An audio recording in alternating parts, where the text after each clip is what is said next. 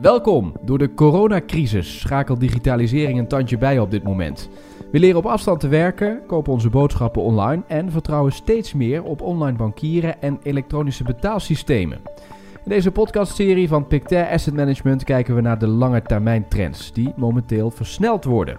Een goed voorbeeld daarvan is elektronisch betalen.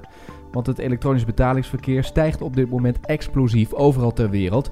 Dat komt natuurlijk omdat we als consumenten gedwongen worden om digitale aankoopkanalen te gebruiken. Maar de verandering lijkt fundamenteel. Want we leren onszelf op dit moment nieuw financieel gedrag aan dat waarschijnlijk niet is verdwenen als de crisis zo meteen voorbij is. Ik ben Tom Jessen en ik ga erover praten met Gert-Jan van der Geer, Senior Investment Manager van het Thematic Equities Team bij Pictet Asset Management. Gertjan, goed dat je er bent. In de vorige podcast hadden we het over uh, het online winkelen. Nou, dat is versneld. Kanshebbers hebben we aangegeven. Um, en in deze podcast gaat het dus over betalen. Kun je eigenlijk zeggen automatisch dat doordat er online uh, meer wordt gewinkeld, dat er ook online meer betaald wordt?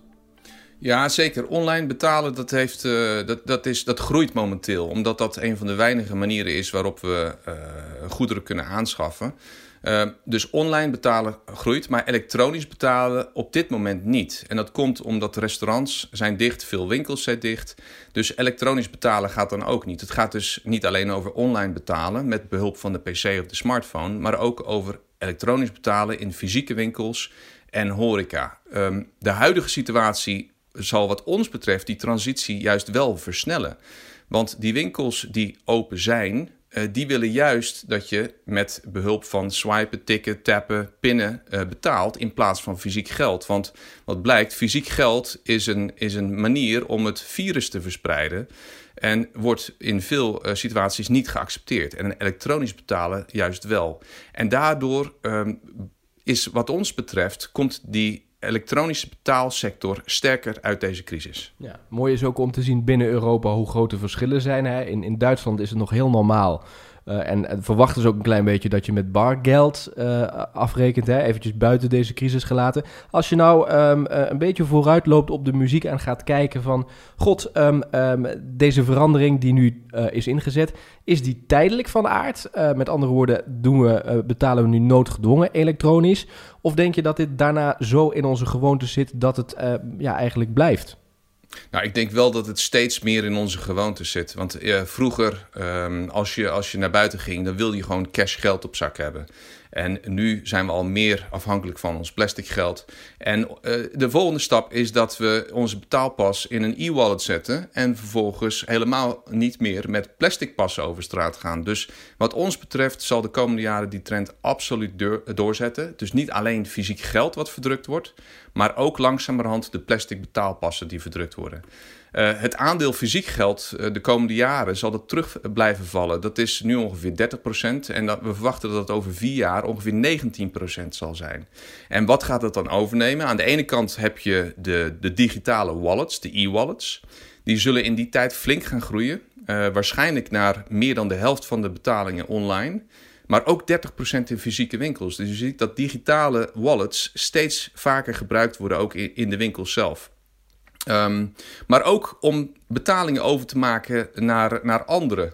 Uh, in de Verenigde Staten heb je bijvoorbeeld Venmo, dat is uh, van PayPal. Dat is uitgegroeid tot een van de grootste consumer finance apps wereldwijd. En dat wordt vooral gebruikt om geld over te maken naar vrienden en kennissen. Maar ook voor peer-to-peer -peer betalingen en steeds meer voor betalingen naar, uh, naar, naar winkeliers toe. En dat is eigenlijk een beetje vergelijkbaar met wat je hier in Nederland ziet. Tikkie, ontzettend populair. Uh, het is niet een echte e-wallet, uh, zoals Venmo. Um, maar het kan ook natuurlijk makkelijk gebruikt worden om in winkels te betalen. En al met al, uh, zo'n zo app als Venmo. En al met al gaat het om een ontzettend interessante groeimarkt. Met heel veel gebruikersgemak. En ik denk dat dat gebruiksgemak juist die consumenten over de streep zal trekken. En dat dat wel echt een blijvende verandering zal zijn. Ja, ja, ik merk er zelf ook inderdaad dat je uh, vaak de deur uitgaat naar de supermarkt en dat je je uh, pinpas inderdaad niet bij hebt. Maar doordat het in je telefoon zit, heb je eigenlijk altijd iets op zak waarmee je kunt betalen. En, en ja, doordat die telefoon er altijd is, is de noodzaak inderdaad om die, die wallet, uh, zeg maar, met je pinpas mee te nemen, die is er minder. Um, als je nou kijkt naar hoe wij het doen als Nederland, hè, we zijn best wel staan best wel bekend om onze innovatie en onze vernieuwingsdrift. Zie je dat ook terug als je wereldwijd gaat kijken hoe wij voorop lopen met dit soort zaken, dus elektronisch betalen? Ja, zeker. Elektronisch betalen. Maar sowieso loopt Nederland hier best wel in voorop. Want als je kijkt naar, naar fysieke checks, dus die, die checks die je uitschrijft, ja, dat doen we al jaren niet meer in Nederland. Maar in heel veel landen, inclusief in de Verenigde Staten, maar ook in Frankrijk, is dat nog heel normaal. Eh, denk bijvoorbeeld aan de, de, de gedrukte checks van, uh, van 1200 dollar die Trump geeft aan, aan de Amerikanen. Ja, dat is bij ons eh, bijna ondenkbaar. dus Nederland neemt best een unieke positie in, ook in elektronisch betalen, waar andere landen je, je juist de groei van e-wallets ziet. Ehm, heeft dat in Nederland bijvoorbeeld maar een, een, een stuk kleiner marktaandeel van ongeveer 7%. En dat komt door die dominantie van het, betaalnetwerk Ideal van de, van de banken in Nederland. Uh, daardoor is ook Tiki ontzettend populair, want het gebruikt dat netwerk, wat een directe afboeking is van je rekening en directe bijboeking op een andere rekening. En dat is dus niet een echte uh, e-wallet. Um, maar ook hier worden e-wallets populairder. Um, in de Verenigde Staten, uh, waar je niet het Ideal-netwerk hebt, is het marktaandeel van, van e-wallets dus ook veel groter. Dat is dan 24%. En ga je naar, naar China, waar heel veel betaald wordt met e-wallets, um, dan, dan is dat nog veel hoger. Uh, buiten China zijn het vooral Apple Pay, Google Pay, Samsung Pay met het grootste marktaandeel. Uh, je slaat je pasgegevens erin op. In principe werk je in de meeste instanties nog gewoon met een creditcard. Uh, en het werkt hetzelfde als contactloos betalen met je pas. Dus uh, je ziet de trend wereldwijd. In Nederland is dat nog heel veel uh, direct, directe afboekingen vanwege de populariteit van Tiki. En in het buitenland zie je dat die e-wallets heel erg sterk groeien. Ja, exact. Dus wat dat betreft zijn verschillende ontwikkelingen in de wereld. Uh, laten we het eventjes hebben over de um, bedrijven die hierachter zitten. Want als consument uh, maken we natuurlijk gebruik van, van die, die wallet op onze telefoon. En uh, gebruiken we dus eigenlijk het, het eindproduct. Maar er zitten natuurlijk heel veel bedrijven die ervoor zorgen dat die infrastructuur goed geregeld wordt. Als je nou inzoomt op de, de hoofdrolspelers op dat gebied, die ervoor zorgen dat we op de manier kunnen betalen zoals we het nu doen, elektronisch bijvoorbeeld met onze telefoon. Welke bedrijven kom je dan tegen? Ja, dan, dan zijn het eigenlijk verschillende bedrijven voor de verschillende stappen van het betaalproces. Dus als je online iets gaat bestellen, dan kom je eigenlijk terecht op een payment gateway, zoals PayPal of, uh, of Adyen. Uh, in een winkel is dat niet anders, maar is de payment gateway een, een terminal waar je je pinpas in stopt of waar je je, je kaartje tegenaan houdt of je mobiele telefoon. Dat, is de, dat heet de, de, de gateway. Um, je ziet dat dus die e-wallets hier steeds meer gebruikt voor gaan worden. Eh, zowel digitaal als mobiel. Um, via die gateway gaat ongeveer 42% van online shopping gaat via, met behulp van die e-wallets. Uh, dat, is, dat is een enorme stijging al ten opzichte van het jaar hiervoor. En, en dat is zelfs 71% als je kijkt naar, naar China. Um, enorme bedrijven heb je daar. Ant Financial, uh, met, met Alipay van Alibaba, uh, gelieerd aan Alibaba. En je hebt We, WeChat Pay van, van Tencent. Dat zijn echt enorme partijen in die, in die markt. En je ziet dat daar heel veel innovatie zit, heel veel groei. Uh, maar dat geeft ook enorme investeringskansen. Mm. En, de, en de transactie van die betalingen, want dat is dat weer eigenlijk weer een apart hoofdstukje. Welke hoofdrolspelers zie je daar verschijnen? Ja, als je dus de transactie, uh, als je op de betaalknop drukt en vervolgens gaat het via die payment gateway, gateway naar een payment processor. En zo'n payment processor uh, die kijkt, die is eigenlijk verantwoordelijk voor de communicatie met de creditcardmaatschappij of de bank. Die kijkt of er voldoende geld op de rekening van die klant staat om ook de betaling te kunnen doen. En als dat het geval is, dan wordt uh, de betaling goedgekeurd. En dan heb je het over bedrijven in Europa, heb je Worldline, uh, in Amerika heb je Global Payments, Fidelity National Information Services. Dat zijn uh, partijen uh, waar de activiteiten, vroeger deden de banken die activiteiten, die, die hadden hier de, de controle over. Maar hier is schaalgrootte zo enorm belangrijk. En we hebben gezien dat heel veel banken langzamerhand die activiteiten hebben afgestoten. En je hebt een aantal spelers die die markt consolideren. En uh, het gaat hier om enorme hoeveelheden transacties die real-time verwerkt moeten worden.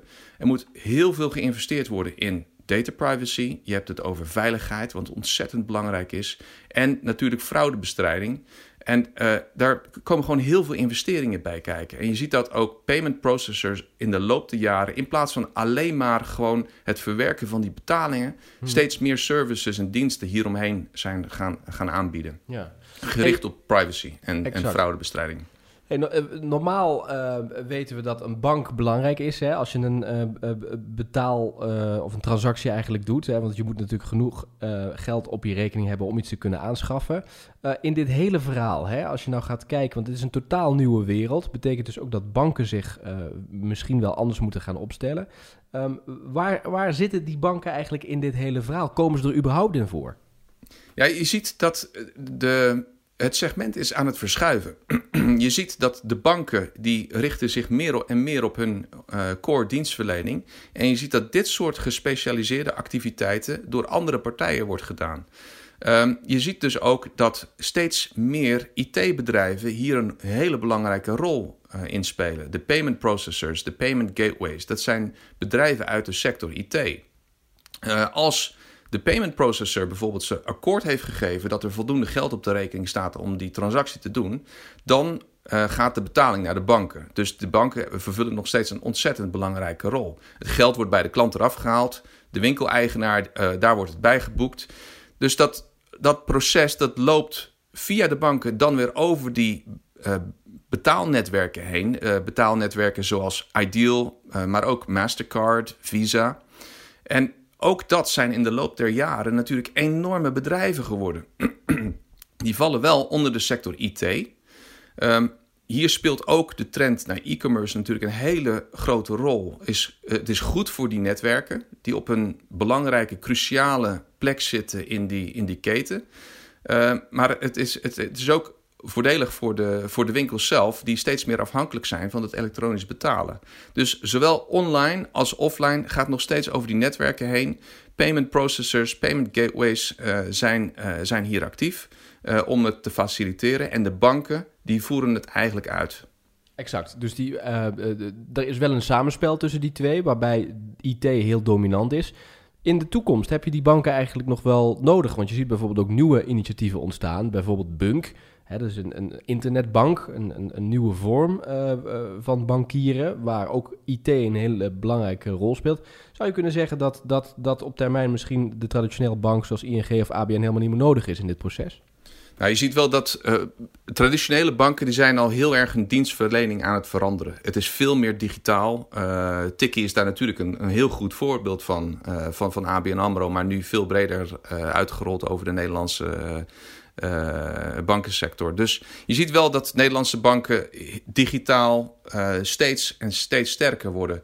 Maar het is absoluut waar dat een deel van de financiële dienstverlening die verschuift van de sector IT, uh, van de sector financiële dienstverlening naar de sector IT. En dat is wel iets wat we, we, we, we blijven zien eigenlijk. Mm. Um, wij kennen, um, is even een ander onderwerp, een zijstapje. Wij kennen de bitcoin. En uh, de bitcoin, daar is heel veel over gediscussieerd. Maar uh, één ding, daar zijn alle deskundigen en wetenschappers het wel over eens. En dat is die techniek achter de bitcoin, de blockchain. Dat is um, geniaal, wordt vaak genoemd. En dat is ook bruikbaar in heel veel andere sectoren. Stel dat we die blockchain nu koppelen aan dat elektronisch betalen. Is daar dan een link? Met andere woorden, kun je die blockchain inzetten bij dat hele proces? Uh, ja, absoluut. En het, het, zal enorme kostenvoordelen opleveren. Um, blockchain als fintech-ontwikkeling, dus komt toch weer uit die IT-hoek. Ehm, de laatste jaren ontzettend veel in het nieuws geweest. Veel mensen denken dan inderdaad direct aan Bitcoin. Bitcoin is daar ook op gebaseerd, maar het probleem van Bitcoin is, uh, is eigenlijk het verwerken van enorme hoeveelheden transacties. En dat, dat zorgt voor vertraging. Dus het gaat ons eigenlijk vooral om die technologie van blockchain die erachter zit.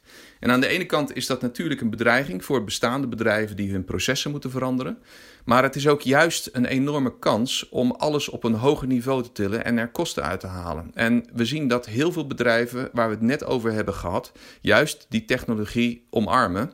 Um, om die kosten te kunnen verlagen en tegelijkertijd ook om de snelheid en de veiligheid uh, te kunnen vergroten. Uh, een voorbeeld hiervan is, is tokenization. En dat is het vervangen van gevoelige data die je anders over je netwerk zou moeten versturen. Um, en dat vervang je door iets wat eruit ziet eigenlijk als willekeurig uh, samenraapsel van cijfers. En daardoor hoef je die gevoelige data waar die token naar verwijst, ehm, niet over het, uh, over het netwerk te versturen. En dat is natuurlijk een enorm veiligheidsvoordeel. Want ook al zou iemand aan die, um, die, die, die willekeurige data komen, dan kunnen ze nog steeds niet koppelen aan de persoonlijke gegevens. En die persoonlijke data waar het naar verwijst, die wordt dan bewaard in hele goed uh, beveiligde, dat heet de token vaults, een soort digitale kluizen. Um, een voorbeeld van een, netwerk wat dit uh, bijvoorbeeld uh, toepast is, is Visa met haar B2B Connect. blockchain werkt met een, een, een, een gedeeld kasboek. Dat, dat, is een, een gedeeld grootboek. Dat is een distributed ledger die door verschillende partijen wordt bijgewerkt, gecontroleerd. Um, en het spreiden van die verificatie en het bijhouden van dat, dat, um, dat grootboek, dat, dat zorgt voor enorme kostenbesparingen ook. Dus aan de ene kant heb je een verbeterde veiligheid, omdat je niet die gevoelige data over het netwerk verstuurt. En aan de andere, kant, omdat je die die berekeningen en die verificatie spreidt over heel veel partijen, zul je zien dat de, de, de investeringen die hiervoor nodig zijn een stuk lager zijn. Dus het, het maakt het, uh, het goedkoper, het maakt het veiliger en als het goed is ook sneller. Ja, zou dus blockchain ook, want uh, ik, ik hoor je uh, blockchain vaak in combinatie noemen met veiligheid. Is dat dan ook het antwoord op, op de vraag waar veel consumenten toch ook wel over na zullen denken, zodra iets online gebeurt en zeker als het over hun geld gaat? is het veilig als we blockchain gebruiken? Is dat het antwoord op het afdekken van de veiligheidsrisico's die er zijn? Um, het, het, helpt zeker. Want, uh, maar het is niet het enige natuurlijk. Want in veel landen is uh, bijvoorbeeld fraude met je creditcard is gewoon verzekerd. Uh, daar loop je dus beperkt risico. Dus als je met je creditcard online shopt, dan ben je vrijwel zeker van dat je geen financieel nadeel zult ondervinden als er, als er fraude gepleegd wordt. Um, maar hier vallen dus ook digitaal opgeslagen creditcards onder. Dus dat is weer een voordeel van een, van een e-wallet. Um, wie heeft dan het meeste last van mogelijke fraude? Dat, dat zijn eigenlijk bedrijven. En dat is dus ook een enorm goede incentivering om die veiligheid te blijven verbeteren. En dat is wel iets wat we zien. En, en we verwachten dat die, die veiligheid door tokenization, dus toepassing van de Bitcoin-achtige technologie, de blockchain, juist uh, een, een, op een hoger plan kan zetten. Oké, nou we hebben uh, al veel zaken besproken. Um, nog één ding wat wel interessant is, dat is de wet en regelgeving. Begin ik eventjes bij de traditionele banken. Nou, daar, daarvan weten we dat er toezichthouders zijn die kijken of alles gaat volgens de regels. Um, soms is innovatie, of vaak is innovatie daar ook lastig, omdat tegengehouden wordt, omdat het niet past binnen wat is afgesproken met elkaar. Bij die nieuwe bedrijven, uh, die we dus ook in dit kader van elektronisch betalen noemen, gaat het allemaal wat makkelijker.